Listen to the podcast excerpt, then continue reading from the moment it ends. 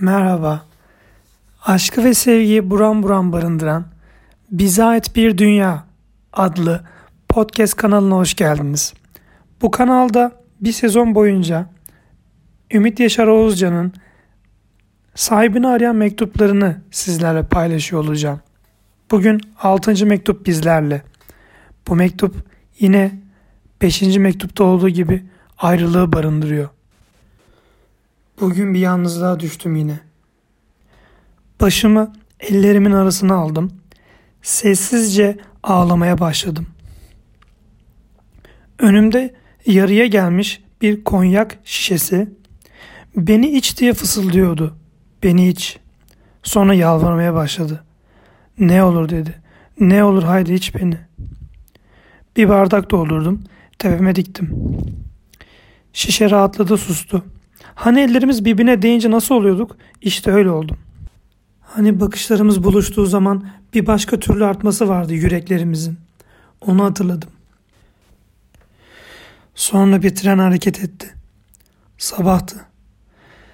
Karşı karşıyaydık. Konuşuyorduk. Ben sevmek diyordum durmadan. Gözlerim gözlerini soruyordu. Beni seviyor musun diye. Hep evet diyordu gözlerin, ellerin, dudakların hep evet diyordu. Oysa ki birçok hayır diyen insanlar vardı çevremizde. Örneğin bir çocuk hayır diyordu. Bir kadın, bir adam ve bir başkası. Bir başkası hayır diyordu. Hayırlar arasında ezilmeye mahkumdu evetlerimiz. Tren ilerliyordu. Gözlerin gözlerime soruyordu ne olacak diye. Sigar üstüne sigara yakıyordum. Kadeh kadeh içki içiyordum. Fakat bilmiyordum ben de ne olacağını. Bizi sürükleyen bir akıntıydı. Durduramazdık onu. Hükmedemezdik ona. Bir anafora rastlayıp yok oluncaya kadar akıp gidecektik işte. Peki anafor neredeydi? Uzak mıydı? Belki çok yakındı kim bilir.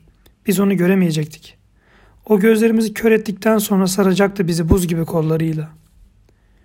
Tren ilerliyordu. Pencereden deniz görünüyordu.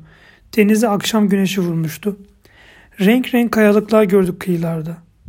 Denize taş atan çocuklar gördük. Uzakta bir balıkçı ağlarını topluyordu. Ve tren ilerliyordu. Kadir yaklaşıyorduk. Bir alaca karanlık bastı zamanı. Gözlerim gözlerindeydi. Ellerini tuttum, titredin. Acı acı bir düdük öttü. Bir şeyler koptu içimizden. Sonra tren durdu, indik. Yollarımız ayrı ayrıydı. Şimdi o gün verdiğin yalnızlığı yaşıyorum.